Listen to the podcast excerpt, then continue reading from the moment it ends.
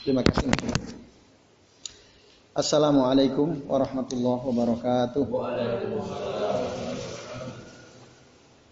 Alhamdulillahirabbil alamin wal akibatu lil muttaqin wala udwana illa 'alal zalimin. Asyhadu an la ilaha illallah wahdahu la syarikalah wa asyhadu anna Muhammadan abduhu wa rasuluh. Allahumma shalli wa sallim wa barik ala Muhammad wa ala ali Muhammad kama shallaita wa barakta ala Ibrahim wa ala ali Ibrahim fil alamin innaka Hamidum Majid amma ba'du. Ya, teman-teman sekalian, ya ikhwah, azan ya Allah wa. Alhamdulillah ya puji dan syukur marilah senantiasa kita haturkan kehadirat Allah Subhanahu wa taala yang telah memberikan kepada kita ya, banyak sekali nikmat ya. Termasuk di antaranya nikmat sehat yang dengan nikmat sehat ini maka pada malam hari ini kita bisa bersama-sama berkumpul ya di majlis ini untuk ngaji kitab Hilyatu Talibil Ilmi. Insya Allah pada malam ini kita akan lanjutkan pada perhiasan yang ketujuh. Perhiasan orang berilmu atau para penuntut ilmu yang ketujuh halaman 16 berarti. Betul ya? Halaman 16. Baik, ya silahkan dibuka halaman 16 poin yang ketujuh. Sudah?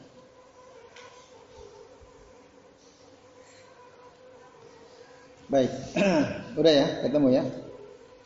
Nah, dikatakan at-tahalli bi raunaqil ilm, berhias dengan keindahan ilmu.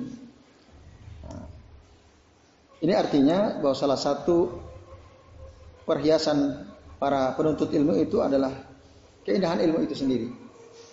Ilmu yang menjadi amal tentu saja itu maksudnya. Ilmu itu kan nampak kelihatan jadi indah ketika udah jadi amal. Maksudnya apa? Beliau merinci bahwa yang maksud at-tahalli bi raunakil ilm adalah at-tahalli bi husni samti wal haji salihi wa dawami sakinati wal wiqar wal khusu wat tawadu walujumul mahajjati bi imarati zahiri wal batini wat takhalli an nawaqidiha. Jadi yang maksud berhias dengan keindahan ilmu itu adalah sikap yang baik husnus sumti. Ini masih umum juga, ya, sikap yang baik. Kemudian al hadis salehi, sikap yang atau perilaku yang soleh yang baik, masih umum juga. Nah, lalu disebut contohnya min dawamis sakinah, selalu tenang. Jadi orang berilmu itu satu selalu tenang. Nah, wal wikor, nah, wikor itu juga sebenarnya sama ya dengan as-sakinah. Ya, tenang, ya, al-wikor. Bedanya kalau as-sakinah apa, wikor apa? Ada sebagian mengatakan, sebagian orang ahli ilmi mengatakan, kalau sakinah itu tenang secara fisik. Wikor itu tenang secara omongan. Ya. Misalnya ada orang berjalan tenang gitu ya, secara fisik Waalaikumsalam warahmatullahi wabarakatuh. Ya secara fisik jadi nggak banyak bergerak, nggak loncat-loncat, itu namanya sakinah ya. Ya itu. Wikor itu ya, tenang secara perkataan termasuk secara pandangan. Jadi dia jalan, pandangannya nggak jelalatan ke mana-mana. Itu namanya wikor. Itu. Jadi orang berilmu atau para pencari ilmu, maka dia berhias dengan itu, dengan sikap seperti itu sikap yang baik ya. Selalu tenang fisiknya, tenang pandangannya, khusyuk. Ya, khusyuk. Khusyuk itu ya juga tenang hatinya kalau khusyuk. Khusyuk di hadapan Allah Subhanahu wa taala. Itu hatinya tenang, tidak mikir ke mana-mana. Wat tawadu, tawadu itu rendah hati. Meskipun pinter, pandai, tapi dia rendah hati di hadapan semua orang. Nah itu orang berilmu ya, perhiasan talibul talibul ilmu. Perhiasan para penuntut ilmu. Nah, karena nanti dalam hadis disebutkan Nah, tidaklah salah seorang di antara kalian tawadhu'a lillahi ya. Tawadu karena Allah taala, maka illa rafa Allahu biha darajatahu kecuali Allah pasti akan angkat dengannya derajat dia di hadapan Allah Subhanahu wa taala. Jadi orang tawadu itu begitu ya. Allah pasti akan angkat derajatnya. tidak merasa lebih baik ya daripada orang lain. Meskipun faktanya begitu, ya, itu tawadu. Maka di dalam sebuah syair dikatakan tawadu kan najmi laha dinauzirin ala sofahatil ma fahuwa rafi'un. Tawadu kan najmi laha dinadirin ala sofahatil ma fahuwa rafi'un. Tawadulah kamu, rendah hatilah kamu bagikan bintang. Ya, bagikan bintang. Bintang di mana? Atas kan? Tapi tawadulah kamu bagikan bintang yang ada di permukaan air. Malam-malam ada bintang bercahaya, lalu kita dekat air. Di air itu ada bintang nggak? Cahaya bintang ya. Kita lihat ya ala sofahatil ma'i. Ya, jadi tawadu, tawadulah kamu ya, kan najmi seperti bintang ala sofahatil ma'i yang nampak terlihat di atas permukaan air. Orang memandang bintang itu di bawah atau di atas kalau lihat di permukaan air? Di bawah. Di bawah kan? Bahwa Rofi padahal dia itu tinggi. tinggi. Ya kan kita lihat bintang di air kayaknya di bawah sana kan? Padahal hakikatnya dia ada di atas. Nah, begitulah sikap tawadi. Tawadi itu orang anggap kita remeh-temeh, rendah. Kita dianggap rendah. Nggak masalah. Tawadi itu begitu. Tapi sesungguhnya kita itu rofi ada di atas. Nah, jadi jangan Tawadu kan najmi lahalin Tawadu kan najmi ala sofahatil ma'i laha linadirin fahuwa rafi. Wala takun kaddukan. Jangan seperti asap. Ya'lu binafsihi. Asap itu naik sendiri kan? Enggak kita suruh dia naik aja tetap maunya. Mau ke atas terus kan asap. Mau enggak ke bawah? Enggak mau kan? Ya. Wala takun kaddukan. Ya'lu binafsihi fahuwa wadi maunya ke atas terus. Tapi sebenarnya asap itu di atas atau di bawah? Nyampe langit nggak? Enggak. Bahkan pesawat aja ada di atas asap. Kalau mentok di awannya, pesawat di atas. Nah ini ya, itu syair yang disusun oleh orang berilmu ya. Bagaimana kita itu tawadu harus seperti apa dan jangan sampai seperti dukhon tadi asap. Nah itu adalah perhiasan orang yang sedang menuntut ilmu. Tawadu. Wal, waluzumul mahajjah. Luzumul mahajjah itu maksudnya konsisten di jalan yang benar. Konsisten istiqomah. Istiqomah di atas sunnah, di atas Quran sunnah. Itu. Itulah perhiasan orang berilmu. Maksudnya apa istiqomah? Di atas sunnah.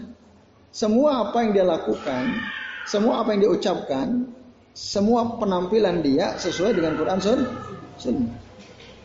Itulah talibul ilmi, perhiasannya. Dia enggak sama sekali dia sebisa mungkin tidak menyimpang dari tuntunan Quran Sunnah. Itu. Bi imarati zahiri wal batin. Dengan membangun kebaikan zahir maupun batin. Membangun kebaikan zahir maupun kebaikan batin. Maksudnya keadaan secara fisik dia perhatikan, keadaan batin juga dia perhatikan. Tapi banyak orang perhatikan keadaan fisik, tapi tidak memperhatikan keadaan batin. Apa perhatian terhadap fisik? Yang makan makanan yang enak, pakai baju yang bagus, cukur rambut, olahraga, semangat, supaya fisik bagus kan. Tapi dia lupa memperhatikan ha, hatinya, batinnya. Nah orang banyak seperti itu. Nah, talibul ilmi itu dua-duanya perhatikan. Dia pakai baju yang bagus, itu dia perhatikan, makan yang sehat, olahraga, itu perhatikan.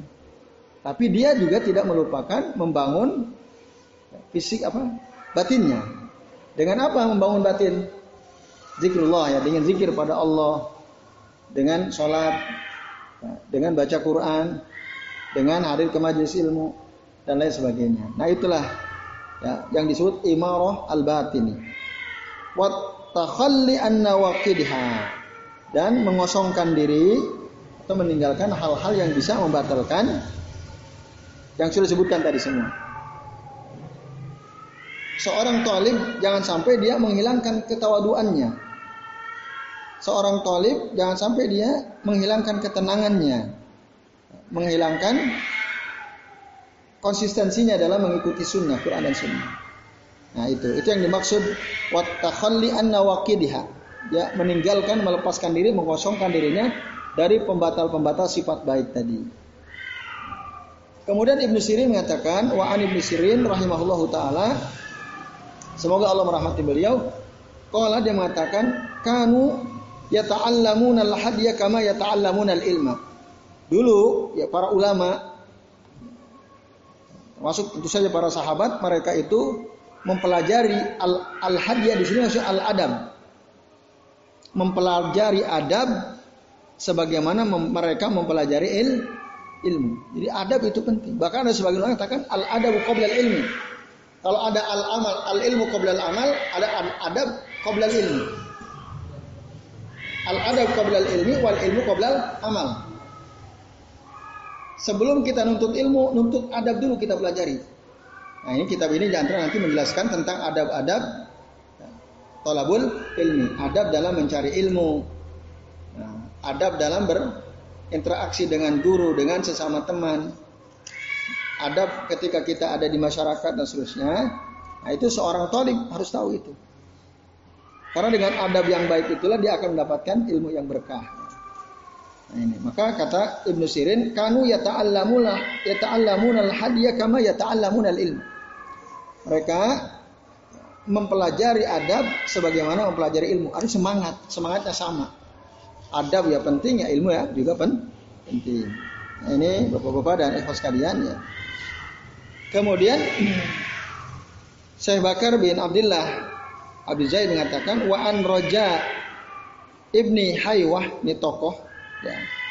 Rahimahullah taala annahu qala li rajulin Raja pernah berkata pada seseorang hadisna sampaikanlah kepada kami uh, sesuatu yang omongan yang bermanfaat ya hadisna atau satu hadis ini sampaikanlah sampaikanlah kepada kepada kami Nah, wala an mutamawatin wala ta'anin. Tapi jangan engkau sampaikan kepada kami ya, tentang orang-orang yang malas. An mutama mutamawat ya. Mutamawat itu mutakasil artinya. Wala ta'an dan jangan pula sampaikan kepada kami ya, orang yang suka mencela. Itu ya. Kenapa kucing itu? Ya. Jadi itu pesan dari seorang tokoh namanya Raja bin Haywah. sampaikan hadis silakan kepada aku. Tapi kalau ada hadis informasi dari orang-orang malas, orang-orang yang suka mencela, itu jangan, nggak usah, nggak usah ceritain. Ada nggak dai-dai yang sukanya mencela? Banyak ya para dai yang suka mencela. Banyak.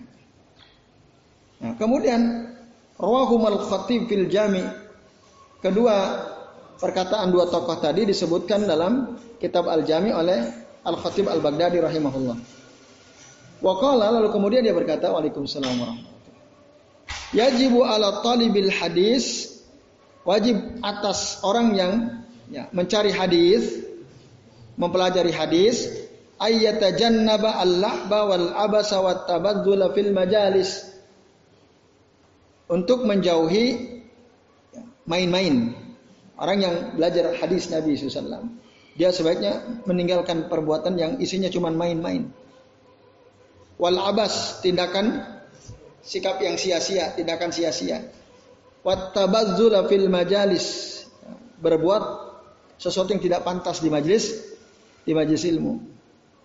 Bisuhub konyol wadhahak tertawa wal kohkohah terbahak-bahak. Nah ini sebaiknya di majelis ilmu tidak lakukan tapi ada nggak majelis yang isunya ketawa terus terbahak-bahak? Ada yang kayak gitu wah itu bukan talib alim kayak gitu ya, itu majelisnya bukan majelis yang baik ada tuh orang ceramah isinya ketawa aja terus isinya dari awal sampai akhir Nah, terbahak-bahak orang ketawa. Nah, dari pelawak, omongannya konyol. Nah, nanti disinggung semua di sini ya. Nah ini. Nah, bahkan Nabi mengatakan dalam hadis ada hadisnya. Jauhilah oleh Nabi, kata Nabi, jauhilah oleh kalian. Ya. Iyakum wa kasratadhahik. Jauhilah oleh kalian banyak tertawa. Fa inna kasratadhahiki tumitul kalb. Karena banyak tertawa itu bisa mematikan ha? hati. Coba bayangkan di suatu majelis banyak orangnya penceramahnya lucu, isinya ketawa terus, matinya hati. Ya hatinya mah? hatinya mati itu hatinya. Ilmunya dapat aku kalau mati, hatinya mati. dapat nggak ilmunya? Lah, dia nggak akan dapat ilmu. Ya untuk pemula nggak apa-apalah katanya. Soalnya kalau serius-serius pusing kalau serius gitu. ya ketika dia dimulai dari yang lucu-lucu terus ketika masuk yang ke serius nggak mau dia. Nggak lucu ngapain kan gitu. Itu salah langkah. Ya, tapi ada orang begitu. Ya kalau yang serius-serius nanti nggak kuat. Mendingan yang lucu-lucu aja lah. Yang penting kan ngaji katanya. Nah ini ya, ada orang ber, berprinsip seperti itu. Nah, ini sebenarnya berbahaya. Karena orang yang duduk di majelis ya dan di majelis itu banyak tertawa walaupun judul majelisnya majelis ilmu gitu ya, pengajian. Tapi isinya ketawa terus. Nah ini bapak-bapak dan ini bukan berarti dilarang tertawa, tertawa bagus saja. Tapi tidak terbahak-bahak, tidak terus-menerus. Wa kasratut tanaduri. Kasratut tanadur itu banyak melucu. Jadi pematerinya ngelucu terus gitu ya. Itu. Wa idmanil muzah wal iksar minhu. Tenggelam dalam canda. Banyak bercanda. Nah, itu. Maka seorang talib ya penuntut ilmu terutama orang yang mau belajar hadis-hadis Nabi hendaknya dia menjauhi itu semua. Fa inna ma yustajaza yustajazu minal muzah biasirihi wa nadirihi wa Nah, sebenarnya boleh saja sih ketawa, ya. boleh saja bercanda asal sedikit kadang-kadang, kadang-kadang. Ya kita kan kadang-kadang ketawa juga kan. Ya. ya. Seserius-seriusnya kita Maksudnya di majlis kita kadang-kadang ada ketawanya juga kan? Ada ketawanya juga. Nah itu kayak gitu sesekali nggak ada masalah. Ketawa sesekali karena memang ya memang layak ditertawakan. Maksudnya tertawa ya karena oh iya kadang-kadang kan kita ketawa oh iya benar sesuai dengan fakta kan gitu kita ketawa. Oh iya aku begitu ya ketawa kan. Nah ini ya. Kalau sesekali tidak ada masalah. Kemudian dan selama tertawa itu, banyak bercanda itu tidak menyebabkan kita keluar dari adab ada batas-batas adab kesopanan uh, dan potori kotil ilmi dan dari metode penyampaian ilmu gitu ya. Tidak keluar dari batas itu. Wajarlah. Jadi candaannya wajar. Ya, tertawanya mentertawakan sesuatu yang yang wajar. Ya Rasul pun bercanda. Bahkan ada kitab yang isinya hadis-hadis yang menjelaskan tentang candaan-candaan Rasul SAW. Itu ada kitab. Kalau nggak salah muzah, muzahun Nabi Sallallahu Alaihi Wasallam, candaan-candaan Nabi Sallallahu Alaihi Wasallam. Nah itu itu ada. Ya salah satu yang masyur itu kan waktu ada seorang nenek bertanya, ya Rasulullah, apakah aku masuk surga? Kata Rasul nggak ada orang tua di surga. Kan sedih si nenek. Wah, waduh kalau gitu aku masuk surga. Nah, Rasul jelaskan maksudnya di surga itu nggak ada orang seusia nenek karena semua akan kembali muda usia duna salasin di bawah 30 tahun. Nah, itu itu maksudnya. Nah, kira-kira si nenek ketawa nggak tuh ya? Ya tersenyum pasti ya. Oh, itu maksudnya. Nah, itu ya. Nah, ini, ini boleh candaan seperti itu tidak ada masalah ya. Kemudian fa'amma mutasiluhu wa fahisuhu wa sakhifuhu wa ma awghara minhu sudur wa jalab wa jalbisar fa innahu mazmum. Nah. Sedangkan bercanda yang terus menerus, sering, konyol yang bisa ya, menyebabkan sakit hati, mendatangkan keburukan, maka ini perkara yang tercela. Gimana candaan-candaan yang yang konyol ya. Saya kira kita tahulah bisa ya. ya yang terus bercanda sepanjang pengajian isinya candaan terus. Dan akhirnya nyakitin orang gitu ya. Nyakitin orang. Nah, ada kan seorang dai gitu ya. Wah, orang seneng kalau dia ceramah. Isinya ketawa-ketawa. Dia suka mencela orang yang tidak sepaham dengan dirinya seperti munyuk gitu ya.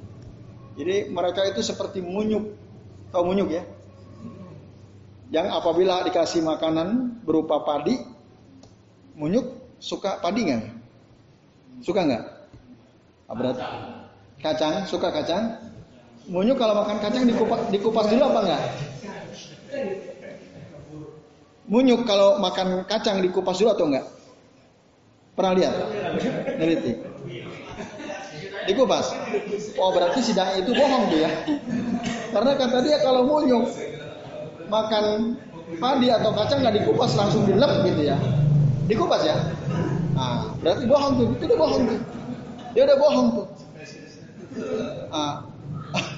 Dia udah bohong. Dia maksudnya ingin menghina orang-orang yang tidak sepaham dengan dirinya.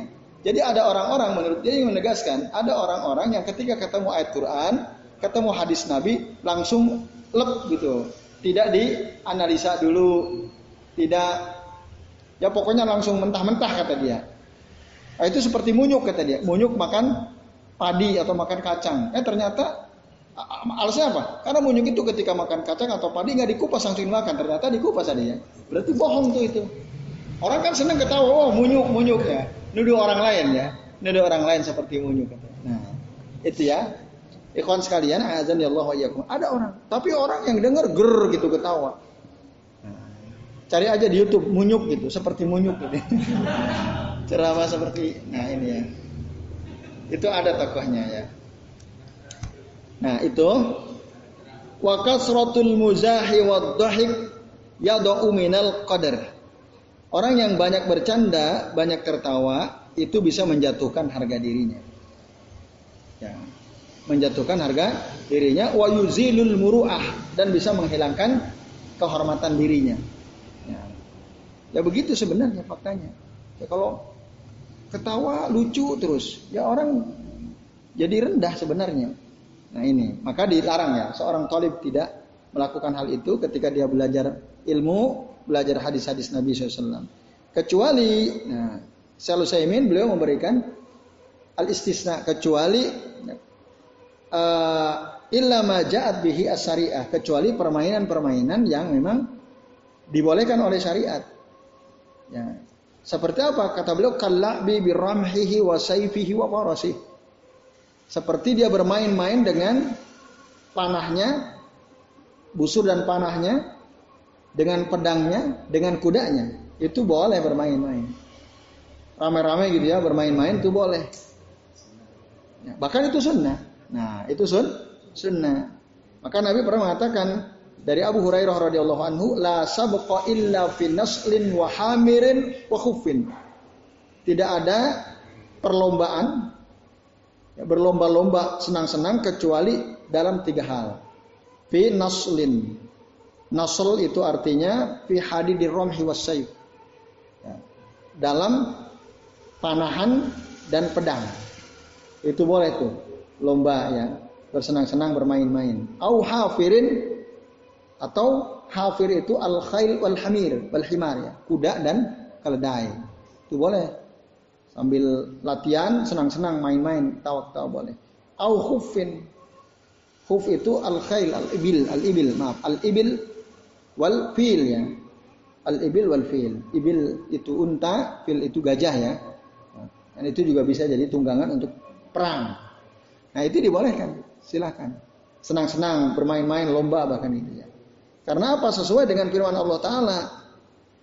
Ya, sesuai dengan firman Allah Taala, wa'iddu kata Allah ya dalam satu ayat di surah Al-Anfal ayat 6. Kalau Allah Taala wa'iddu lahum mastata'tum min quwwatin wa min ribatil khayli turhibunahu turhibuna bihi Allah wa aduwakum. Dan siapkanlah oleh kalian untuk menghadapi musuh-musuh semampu kalian dari kekuatan, kekuatan fisik, termasuk kekuatan finansial tentu saja. Maka biar fisik kita kuat, ya latihan berkuda, latihan panahan, latihan pedang-pedangan, latihan renang, sambil main-main, itu nggak ada masalah, karena ada manfaatnya. Wa min ribatil khail dan siapkan juga dari kuda-kuda ya yang siap yang terikan. Anu latihan kuda untuk apa? Turhibu nabihi adu Allah untuk menakut-nakuti musuh-musuh Allah wa aduwakum dan musuh kalian. Nah, maka permainan-permainan yang bisa mendatangkan kemaslahatan untuk menimbulkan kekuatan fisik dan menimbulkan ketakutan pada pihak musuh, maka itu nggak ada masalah. Nah, kita bermain-main ya, itu nggak ada masalah. Itu namanya permainan yang masruh ya, disyariatkan. Maka istilahnya di sini illa majaat bihi asyariah. Nah ini bapak-bapak dan ikhlas kalian ya azan ya Allah wa iyyakum ajmain. Nah sementara kalau permainan-permainan yang enggak ada kemaslahatannya, hanya sekedar main ketawa ketiwi, yang nggak tahu itu kayak stand up komedian bermanfaat nggak itu ya? Stand up stand up itu, stand up komedi itu loh. Yang kadang-kadang mungkin ah nah, orang lucu ketawa-ketawa ya kadang-kadang bohong juga dia kan. Nah kayak gitu. Itu ada kemaslahatannya atau tidak? Nah, mungkin ada tapi sedikit ya. Nap atau apa? Keburukannya aqallu min eh, aksaru min ya. Lebih banyak daripada kemanfaatannya. Nah, ini Bapak-bapak dan ikhwas sekalian, maka para para penuntut ilmu, talibul ilmu itu menjauhi ya. Sikap, sifat atau perbuatan yang tidak ada manfaatnya ya atau bisa yang bisa menjatuhkan harga dirinya. Ya, saya kira ini.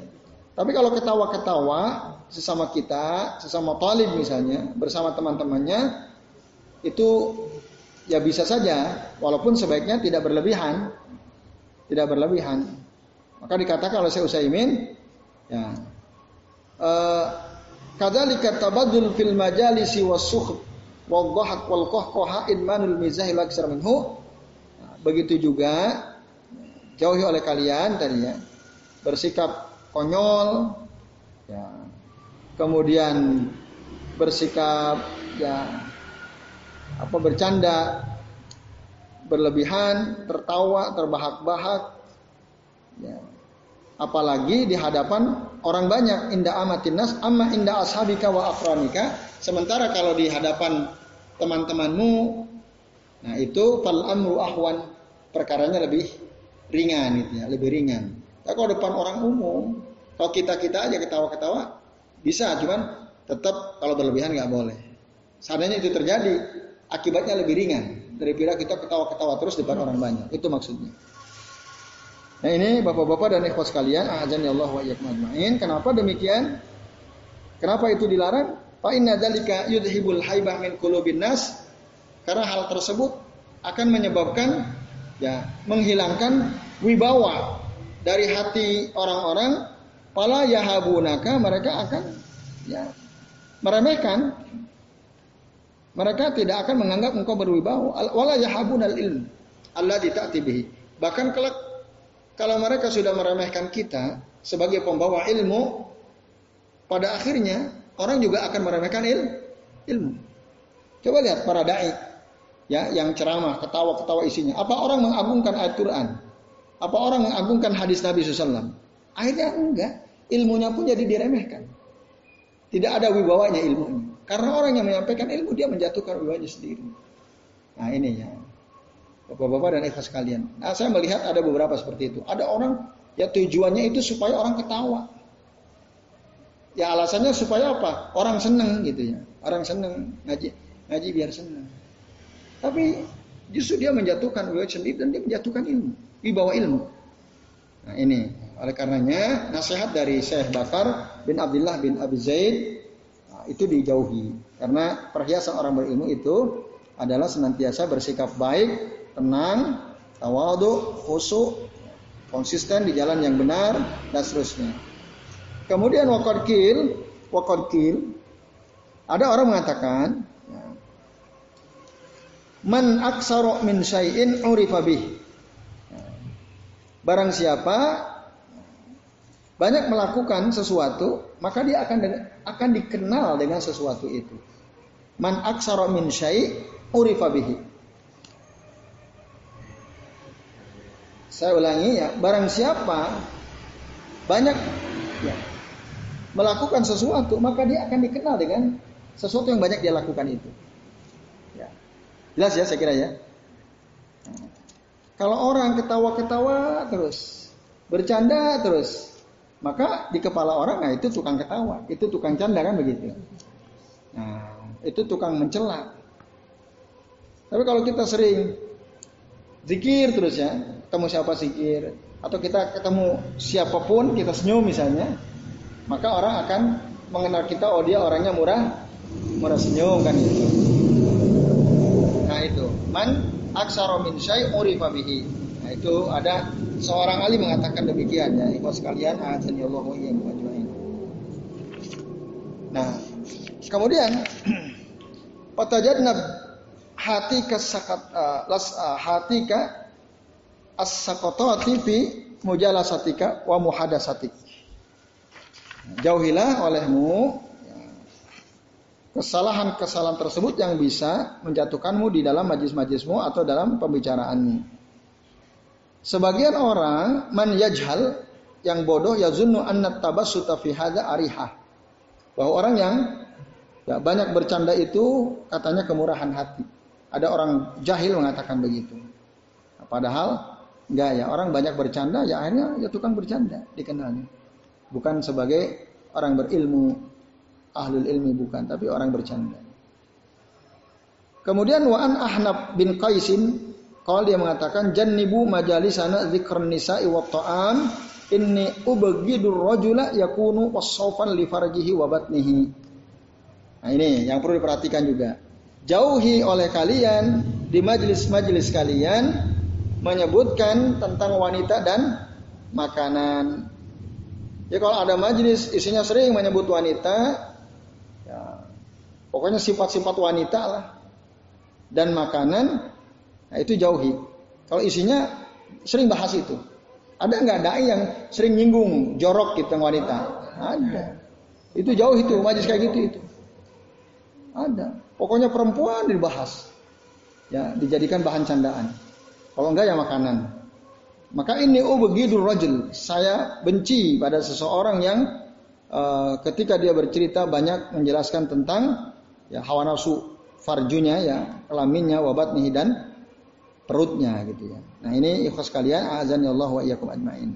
Maka orang yang sibuk dengan ilmu nah, harusnya menjauhi itu. Maka dia tidak boleh mengatakan nah, di majlis itu ngobrol sama teman-temannya, udah tadi malam, tadi malam gitu ya, aku makan sampai kenyang sekali ya. Itu misalnya mengatakan begitu. Itu gak penting di majlis ilmu. Kayak itu nggak usah dipamerin. Wah makan udah makan sate padang, habis itu dikasih mie ayam. Nah, lalu ada lagi olip ya, ya misalnya. Nah kita cerita tentang makanan-makanan. Nah itu seorang tolib harusnya menjauhi itu. Nah, itu ya.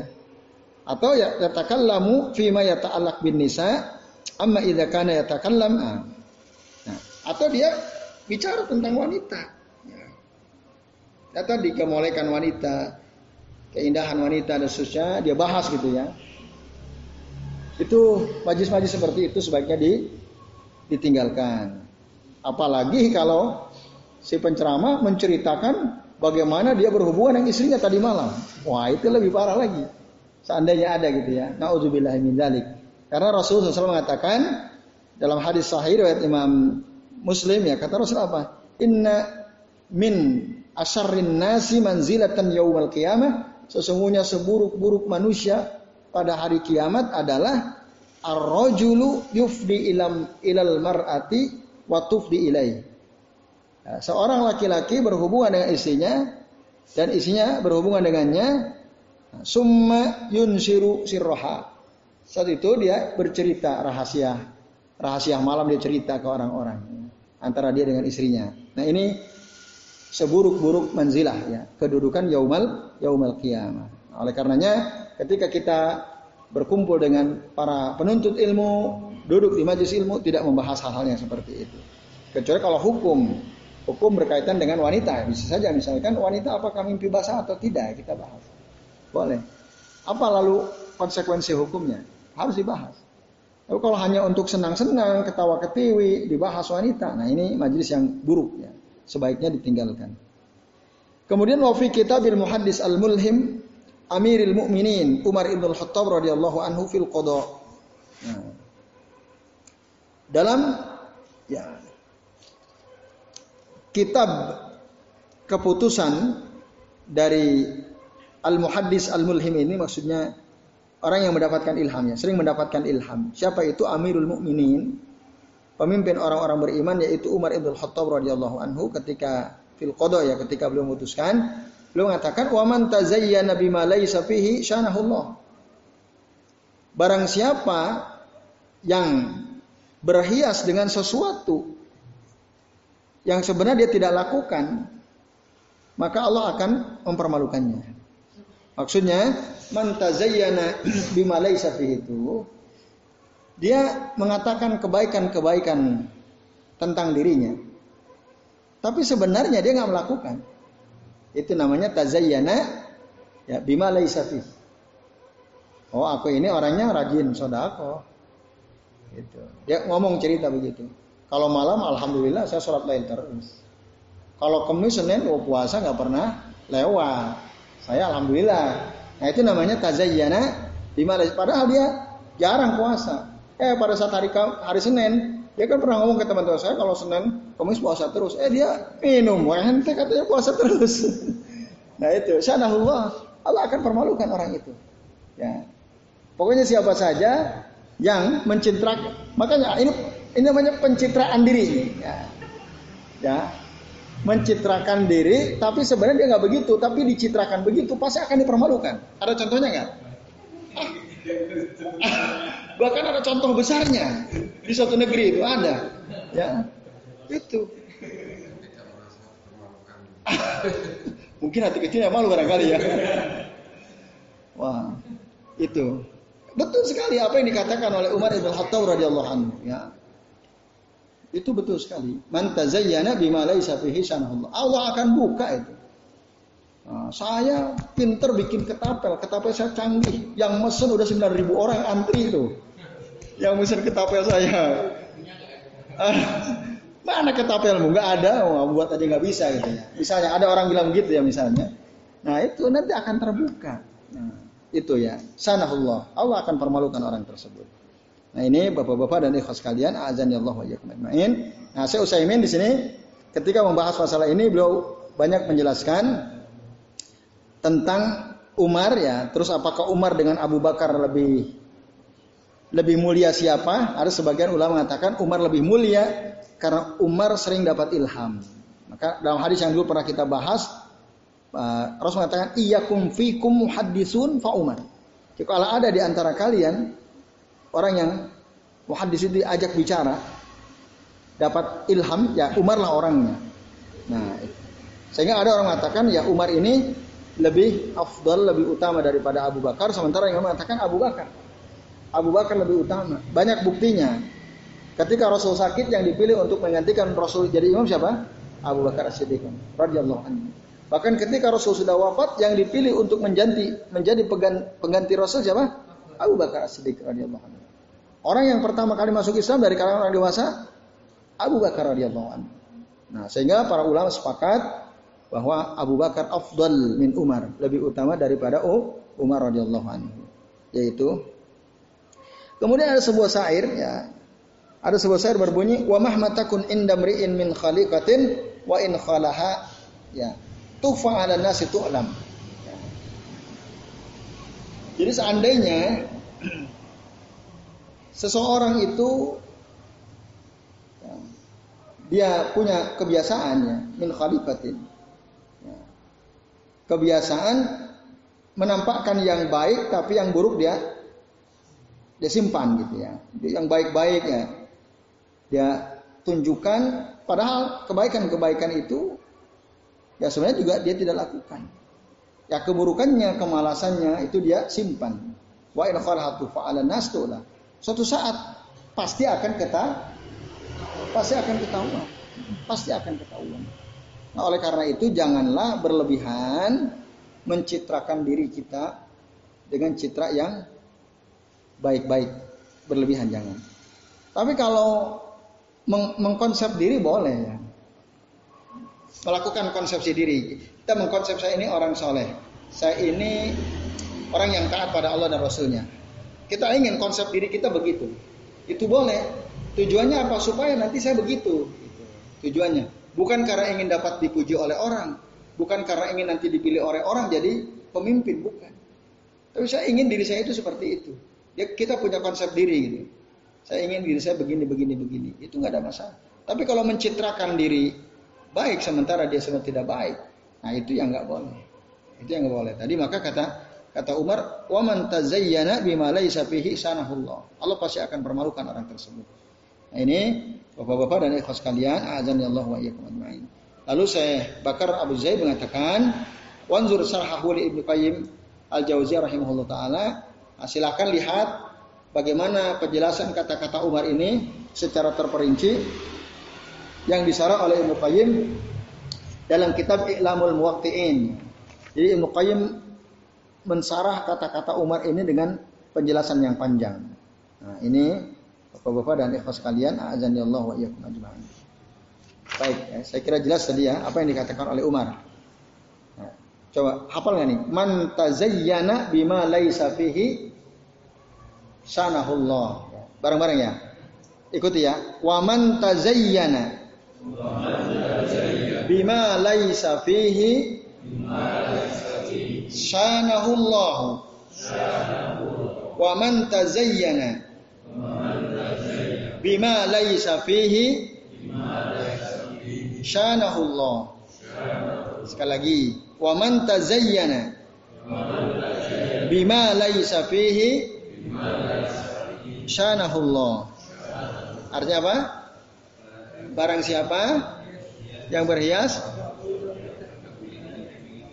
dengan sesuatu yang tidak dimilikinya, saya Allah akan mempermalukannya gitu. Ya kalau kita nggak pernah melakukan, nggak pernah ngomong, oh saya ini rajin tahajud, paling nggak pernah gitu ya. Lalu dia bilang saya rajin tahajud, ya udah nggak usah ngomong, karena kita tidak melakukan hal itu. Ya. Ini, ya sekalian, azan ya Allah wa iyyakum ajmain. Nah, baik, satu lagi ya, tambah satu lagi halaman berikutnya. Halam, uh, perhiasan yang kedelapan ya. Tahalla bil muru'ah tahala bil muru'ah. Ya. Berhias dengan keso, kesopanan. Wa ma yahmilu ilaiha min makarimil ahlak wa talaqatil wajhi wa ibsa'is salam wa tahammulun nasi wal anafati min ghairi kibriya wal izzati fi ghairi jabarut was sahamatu fi ghairi asabiyah wal hamiyatu fi ghairi jahiliyah. Nah ini.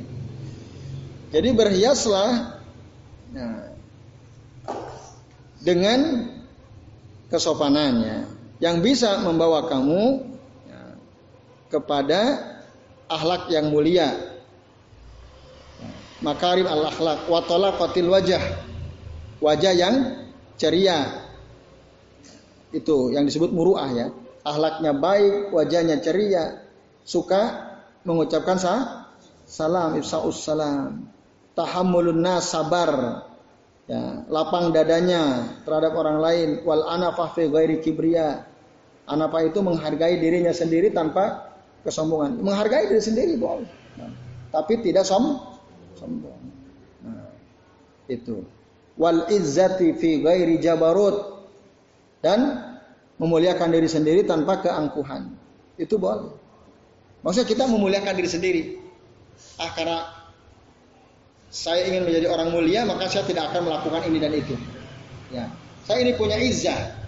Karena saya punya izah, saya nggak mau masuk ke tempat-tempat prostitusi, nggak mau ngadain pengajian saya nggak mau karena saya punya misalnya gitu ya. Ya kalau mereka ingin ikut pengajian ya datang ke tempat pengajian, jangan saya yang datang ke tempat mereka. Misalnya, karena saya malu masa saya harus datang ke tempat prostitusi kan gitu misalnya. Itu izah. Nah, selama dia tidak angkuh. Nah, itu nggak ada masalah, nggak ada masalah. Kemudian wasahamah fi ghairi asabiyah. Semangatnya tanpa diiringi oleh sikap fanatisme. Nah, boleh. Wal hamiyati fi ghairi jahiliyah. Semangat membela kebenaran alhamiyah itu tanpa diiringi oleh kebodohan ya, oleh sikap jahiliyah. Nah, itu yang dimaksud al-muru'ah. Berhias dengan kesopanan al-muru'ah. Bapak-bapak dan ikhwas sekalian, azan ya Allah wa iyyakum ajmain. Maka saya Utsaimin menjelaskan apa itu muruah. muruah itu sebagaimana yang didefinisikan oleh para fukoha, semoga Allah merahmati mereka dalam kitab-kitab asyahadat ya kesaksian. Kalau mereka mengatakan hiya fi'lu ma yujammiluhu wa yuzayyinuhu wa jtinabu ma yudannisuhu wa yusinuhu. Jadi muruah itu adalah perbuatan yang menghiasi dirinya, yang memperindah dirinya, itu muruah. Jadi segala perbuatan yang dengan perbuatan itu dia menjadi semakin nampak indah, ya, nampak indah omongannya, sikapnya, perilakunya, itu artinya dia punya muruah. Atau dia menjauhi semua perbuatan yang bisa mengotori dirinya, mempermalukan dirinya. Itu orang berarti dia punya muru, punya muruah. Itu ya punya. Kan orang sekarang itu joget, semua harus joget. Banyak nggak pemimpin-pemimpin di negeri kita ikut-ikutan joget TikTok misalnya? Ada nggak? Ada kayak gitu? Nah itu kan menjatuhkan muruah. Guru-guru joget TikTok. Ya kan viral itu kan. Ibu-ibu. Nah itu kan. Bahkan ada yang nyanyi dengan lagu Jepang itu kan jadi viral gitu kan. Yang apa itu Katanya sebenarnya itu jorok yang apa? Marake dasi, marake peci itu apa itu itu ya. Ah, ah tahu ya ibu-ibu ya? Ah, nggak ngerti. Nah, itu kan viral tuh di medsos ah. Ah, ya. Ah, Pak Jamet nggak pakai dasi, kan ada bahasa Jepang dulu sebelumnya kan? Ah, Jamet kudasi, Pak Jamet marake dasi kan? Itu apa lagi? Ya itulah. Ah, itulah ya itu.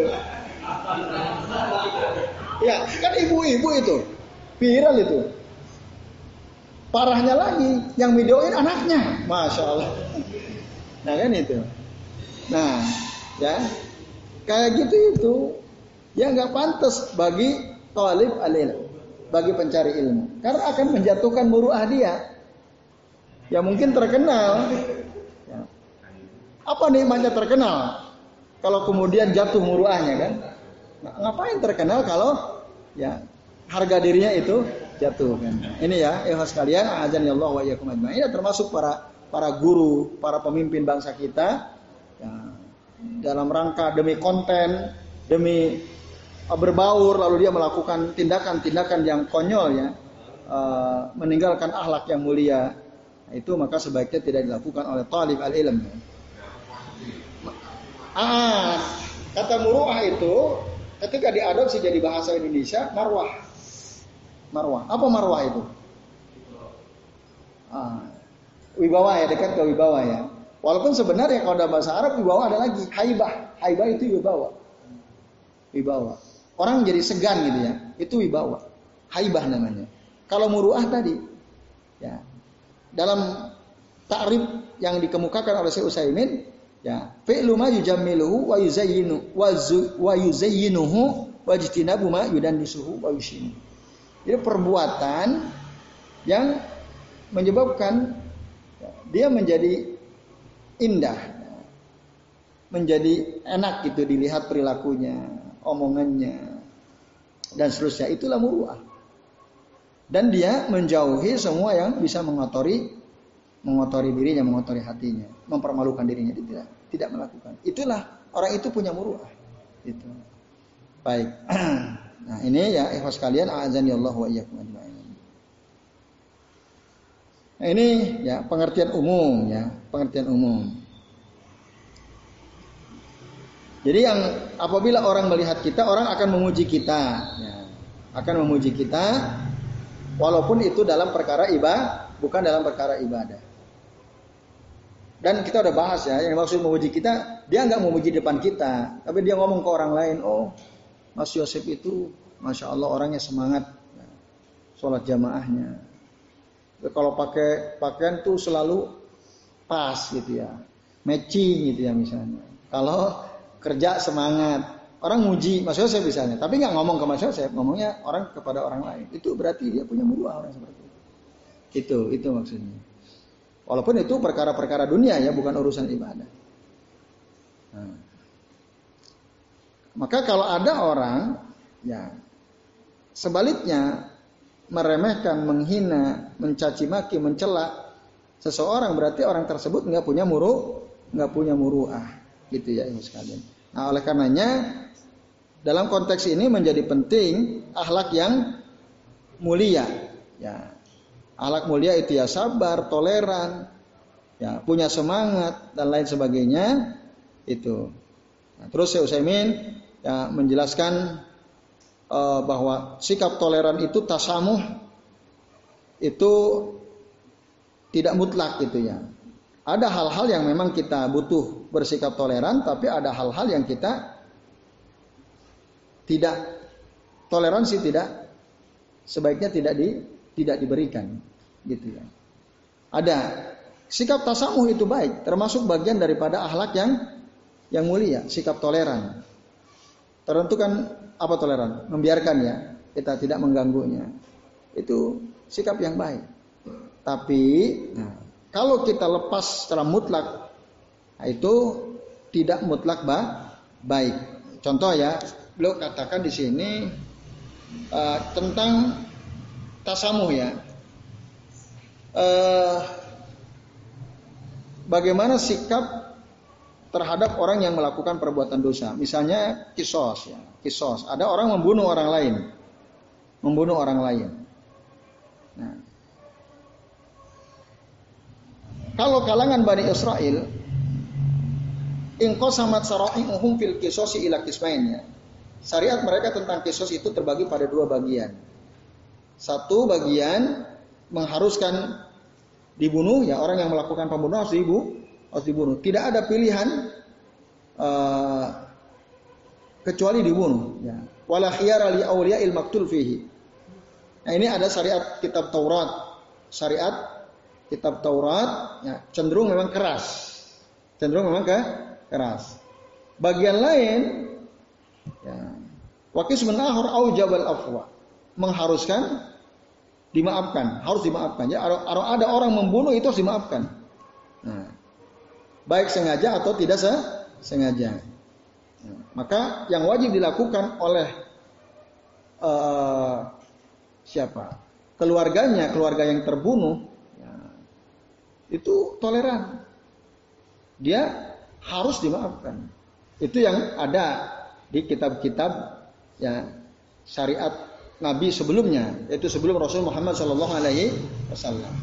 Nah, sementara dalam kitab Al-Quran syariat Nabi Muhammad SAW tidak seperti itu. Lentur. Tidak bisa lentur. Kalau ada orang membunuh orang lain tanpa hak, ada empat alternatif hukuman. Nah, ini tasamuhnya. Apa empat alternatif hukuman bagi orang yang membunuh dengan sengaja dalam Islam? Kisos itu satu. Yesus apa? Yang bunuh harus dibunuh. Apakah harus hanya itu satu-satunya? Tidak. Dalam Taurat harus, nggak ada pilihan. Kalau dalam Injil harus dimaafkan. Quran enggak, ada pilihan. Apa? Bayar denda tebusan sebanyak mi'atu ibil ya, 100 ekor unta. Nah, yang terbaik. Terus kalau nggak punya uang, ada. Ini kan si keluarga yang terbunuh, dia bisa. Ah, pokoknya kamu kisos, harus kisos, boleh. Kalau di Taurat kan harus begitu, nggak ada pilihan. Tapi dalam ajaran Islam, syariat Islam yang dibawa oleh Rasul Muhammad SAW, enggak. Bisa alternatif. Ya udahlah kalau kamu nggak mau dibunuh, ya sini bayar 100 un, entah sini Waduh, nggak punya ya, nggak punya, ya sudah deh, tak maafin. Boleh nggak? Keluarga yang korban, keluarga korban memaafkan si pembunuh boleh nggak? Ya boleh, ya udah deh. Karena kamu miskin, suruh bayar satu juta nggak punya juga, ya wis tak maafin. Boleh.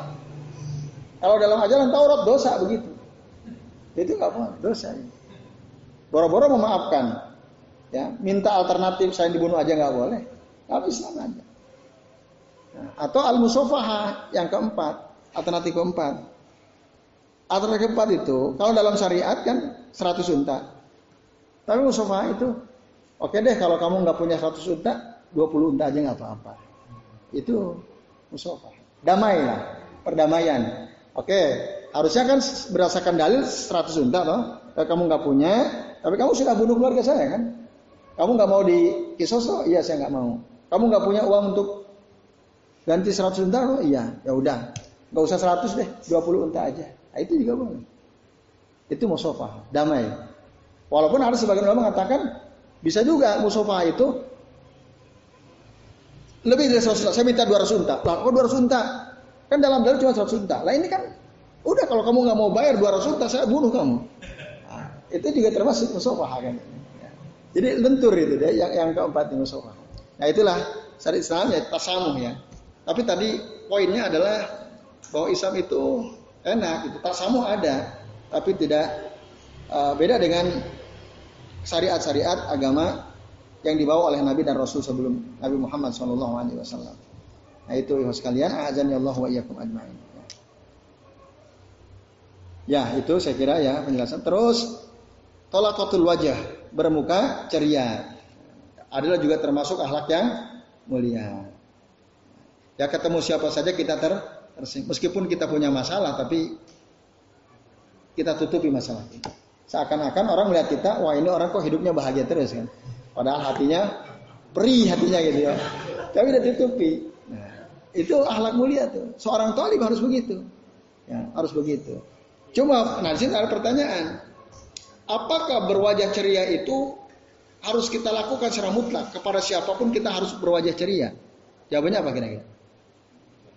Tidak, tidak harus sesuai ke keadaan. Ada orang yang memang kita sebaiknya bermuka ceria. Tapi ada orang yang sebaiknya jangan bermuka ceria. Ya, ada ada petugas memperkosa anak tahanan gitu ya. Masa anaknya tetap aja senyum gitu ya. Walaupun dia ada diperkosa oleh si pejabat itu misalnya.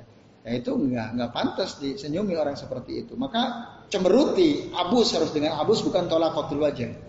Nah ini ya, jadi dalam syariat Islam eh, sikap akhlak mulia berupa tolak kotul wajah itu tidak mutlak. Harus kepada semua orang kita harus begitu. Enggak. Ada orang-orang yang tidak pantas kita bermuka ceria padanya. Ya, ada. Maka Imam Asyafi pernah mengatakan ini la ahabu liman la yahabuni Aku nggak takut sama orang yang nggak takut kepadaku. Aku tidak akan segan sama orang yang tidak segan kepa kepadaku. Atau dalam istilah yang lebih sederhana, aku tidak akan menghormati orang yang tidak menghormati aku. Nah, itu ya. Nah, ini bapak-bapak dan sekalian, walaupun tentu misalnya ada orang benci sekali sama kita, dengki terus sama kita, tapi kita berusaha berbuka ceria, boleh atau tidak? Boleh juga, ya boleh juga. Ya, boleh juga gitu. Tapi kalau udah berkaitan dengan hak Allah, hak Rasulullah, berkaitan dengan agama, nah itu udah nggak boleh ada alternatif. Dulu contohnya ada seorang sahabat Ka'ab bin Malik ya. Udah menyinggung hak Allah, hak Rasulnya. Nah, pada saat perang tabuk nggak ikut perang. Karena mengundur-undur nggak ada alasan. Ya nggak ada toleransi, hukum Jangan sampai bermuka ceria. Rasul memberikan instruksi, jangan sampai ada yang ngajak bicara sama Ka'ab bin Malik. Jangan tersenyum, jangan. Bahkan sampai istrinya, keluarganya. Bahkan sampai orang yang paling baik, paling dekat kepadanya. Nah, itu tidak ada yang berani bermuka ceria. Ya. Termasuk mengucapkan salam ya di sini dibahas oleh Syekh Utsaimin. Ada orang-orang yang kita sebaiknya tidak tidak ya menebarkan salam kepada orang-orang tertentu. Lalu beliau kasih contoh dulu kasus Ka'ab bin Malik ya. Atau kepada orang orang kafir ya, kepada orang kafir itu juga kita tidak boleh mengucapkan sah, salamnya. Ikhwas kalian, ajan ya Allah wa iyyakum ajmain. Nah, kasus Ka'ab bin Malik yang dikutip oleh Syekh Utsaimin di sini ah, mencakup dua hal sebenarnya. Satu tadi kita tidak boleh kalau ada orang melanggar ketentuan syariat mengucapkan salamnya. Kalau syariat sudah menentukan jangan ucapkan salam. Dia harus dihajar. Hajar itu harus di Apa dihajar itu? Diboikot, bukan dihajar ya. Diboikot. Maksudnya enggak jangan diajak ngomong, jangan disenyumin, jangan bermuka ceria, jangan. Sampai dia meninggalkan perbuatan buruk yang tadi berkenaan dengan masalah agama. Berkenaan dengan masalah agama. Nah itu. Maka dulu Ka'ab bin Malik kan selama berapa hari tuh? Tidak diajak bicara oleh Rasul dan oleh para sahabat. Bahkan oleh seluruh orang-orang yang ada di Madinah termasuk oleh isinya. Khamsuna yauman. Khamsuna yauman. 50 ha? hari. Coba antum tinggal di sini nggak ada orang yang mau ngajak bicara antum seorang pun. Kira-kira gimana perasaan hati kita? Wah sempit. Dunia yang lapang ini jadi sem jadi sempit. Baru-baru sekampung lah, sekantor aja. Wah jadi terasa sempit hidup kita. Nah, tapi ya itu penting dilakukan bagi orang-orang yang melanggar ya, agama, ya, melanggar ketentuan agama. Ini Bapak-bapak dan ikhwas sekalian, ajani Allah wa Walaupun hukum asal memboikot seorang muslim itu nggak boleh lebih dari tiga, tiga hari kan. Terus mengatakan la yahillu lil muslimin ayyah jura akhahu fawqa salasin yaltaqiyani fayuridu hada wa yuridu hada wa khairuhum alladhi yabda'u bisalam. Tidak halal bagi seorang muslim memboikot saudara yang muslim lebih dari tiga hari. Ketika mereka ketemu, ini berpaling, ini berpaling. Nah, setelah tiga hari yang terbaik di antara keduanya adalah orang yang pertama kali mengucapkan sah, salam. Itu kalau boykot yang kita lakukan terhadap seseorang itu berkenaan dengan urusan dunia. Ya, urusan dunia. Misalnya dia hutang. Dia saya janji akan bayar seminggu, sepekan. Padahal uang itu kan kita butuhkan. Nih, oke dipakai dulu 500 ribu. Kan kita butuh banget. Eh ternyata setelah sepekan hilang dia orangnya. Nanti ketemu lagi setelah sepekan kemudian. Habis itu nggak ngerasa bersalah dia. Nah, kan kita kesel tuh sama dia kan. Nah, akhirnya kita nggak nggak ajak dia bicara. Nah itu dalam kasus seperti itu boleh, tapi jangan sampai lebih dari tiga tiga hari gitu ya. Tapi kalau dalam urusan agama, Nah, dia meremehkan Rasul misalnya. Itu ada si stand up komedian kan yang meremehkan orang yang ulama lah katakan begitu ya. Apalagi kalau meremehkan Rasul, wah itu. Kita tidak boleh berbaik-baik sampai dia meninggalkan perbuat perbuatannya sampai dia minta maaf. Nah itu. Ya seperti Ka'ab Malik itu sampai betul-betul taubat kepada Allah Subhanahu wa taala lalu oleh Allah menerima taubat. Nah ini was kalian azan ya Allah wa iyyakum ajmain. Nah, Kemudian di sini disebut persoalan permasalahan. Nah, tadi kan bahwa seorang talib itu dia harus berusaha ifsa salam. Ya, menyebarkan salam. Ala man ta'rif wa ala man lam ta'rif ya. Au ila man man ta'rif wa ila man la ta'rif. Afsus salama tebarkanlah salam nah, ila man ta'rif kepada orang yang engkau kenal wa ila man la ta'rif au ila man la ta'rif atau kepada orang yang engkau tidak kenal. Antum pernah ketemu orang berpapasan nggak kenal tapi kita ucapin assalamualaikum pernah? Alhamdulillah kalau pernah. Nah, kalau pernah.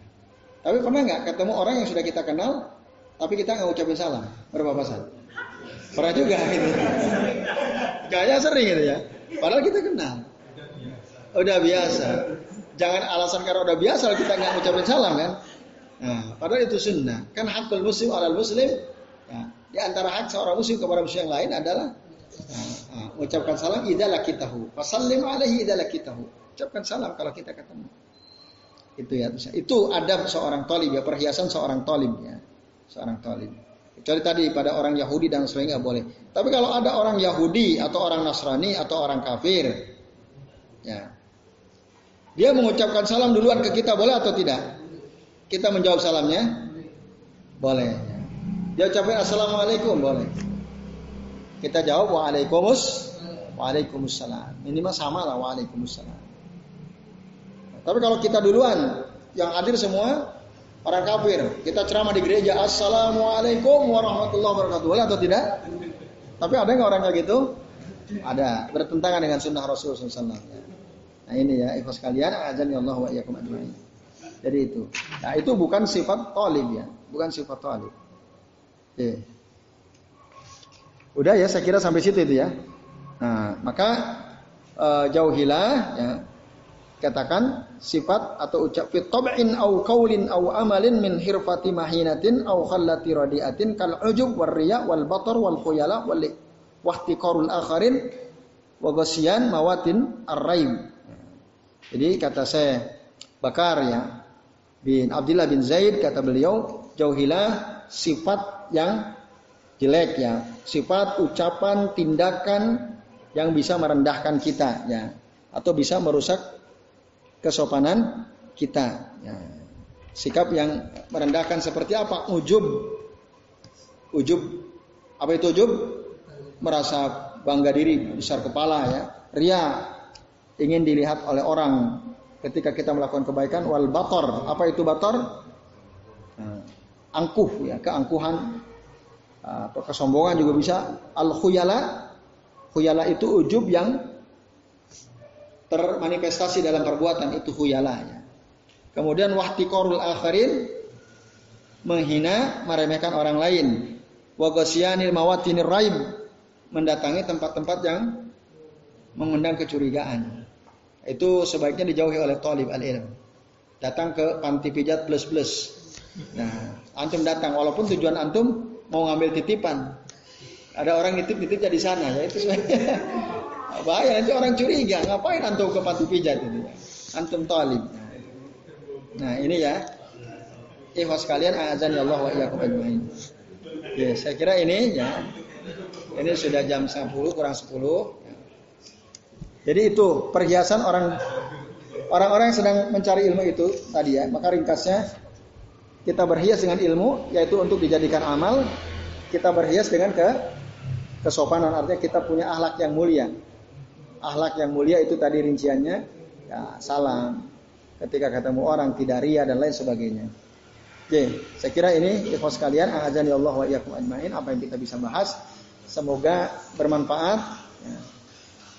Uh, sebelum diakhiri dan sebelum waktu saya kembalikan ke Mas Yoyo selaku pembawa acara, barangkali ada di antara ikhwah yang mau bertanya kami persilakan. Sudah jelas ya? Hmm.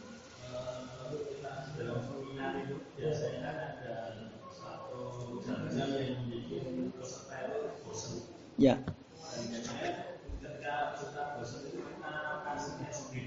Ah.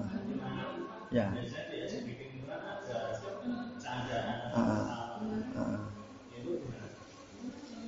Nah, baik.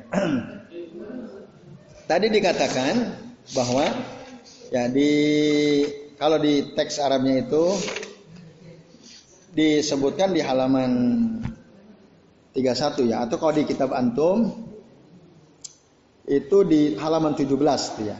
Bisa katakan ya, bercanda boleh. Baris keempat dari bawah tuh. Ya, bercanda boleh dilakukan sesekali saja. Tidak sering, tidak keluar dari batas kesopanan. Dan tidak keluar dari metode belajar. Ya boleh dalam seminar, ya, untuk ice breaking karena kelihatan lelah, karena waktunya panjang, yuk berdiri berdiri berdiri gitu kan. Berdiri nanti main pijit-pijitan, ketawa-ketawa kan. Nah itu boleh sesekali. Nanti udah hilang capeknya, ngantuknya, duduk serius lagi. Yang penting tetap sopan. Tapi ice breaking, nah permainan gitu ya. Nanti yang lempar-lemparan bola, yang nggak ketangkep buka celana. Nah, itu udah udah di luar batas kesopanan. Kayak gitu nggak boleh. Tapi kalau masih sopan, yang tidak bisa nangkap bola, misalnya dia harus bikin puisi, nah kan boleh saja. Oke, itu, itu contoh ya. Jadi kalau masih dalam batas kesopanan, masih dalam batas metode pembelajaran, bercanda dalam arti ice breaking itu bisa bisa saja. Nah, termasuk tidak tentu saja tidak melanggar batas-batas syariat. Ice breaking peserta seminar laki perempuan, pijit-pijitan, berbaris selang-seling. Boleh nggak tuh? Ah, nggak boleh. Yang laki mijit perempuan, yang perempuan mijit laki. As, lah itu nggak boleh. Jadi oke. Okay. Mas Yosef? Enggak. Oh ya, baik. Ada lagi yang lain? Cukup ya? Baik. Alhamdulillah teman sekalian ya itu. Jadi semoga apa yang kita bahas ya bahwa kita berhias dengan keindahan ilmu ilmu menjadi amal, ya, berhias dengan kesopanan seperti akhlak yang mulia, suka menebarkan salam, tidak ria, ya, tawadhu dan lain sebagainya bisa menjadi akhlak yang menghiasi diri kita karena kita ini adalah seorang talib ya, seorang penuntut il, ilmu. Jangan sampai kita merendahkan diri kita sendiri dengan ucapan kita atau dengan perbuatan kita. Yang dengannya bisa menyebabkan orang akhirnya merendahkan ilmu. Sebab orang-orang yang senang belajar ilmu, dia tidak menjaga dirinya, merendahkan dirinya. Nanti orang akan merendahkan ilmu. Itu. Jadi saya kira ini terima kasih atas perhatiannya. Uh, saya akhiri. Wassalamualaikum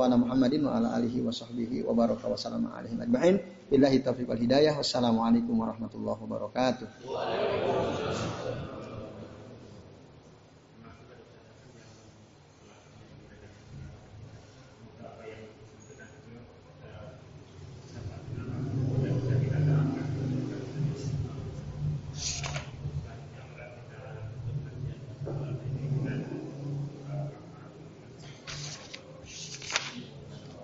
Subhanakallahumma wa bihamdika asyhadu an la ilaha illa anta astaghfiruka wa atubu ilaik.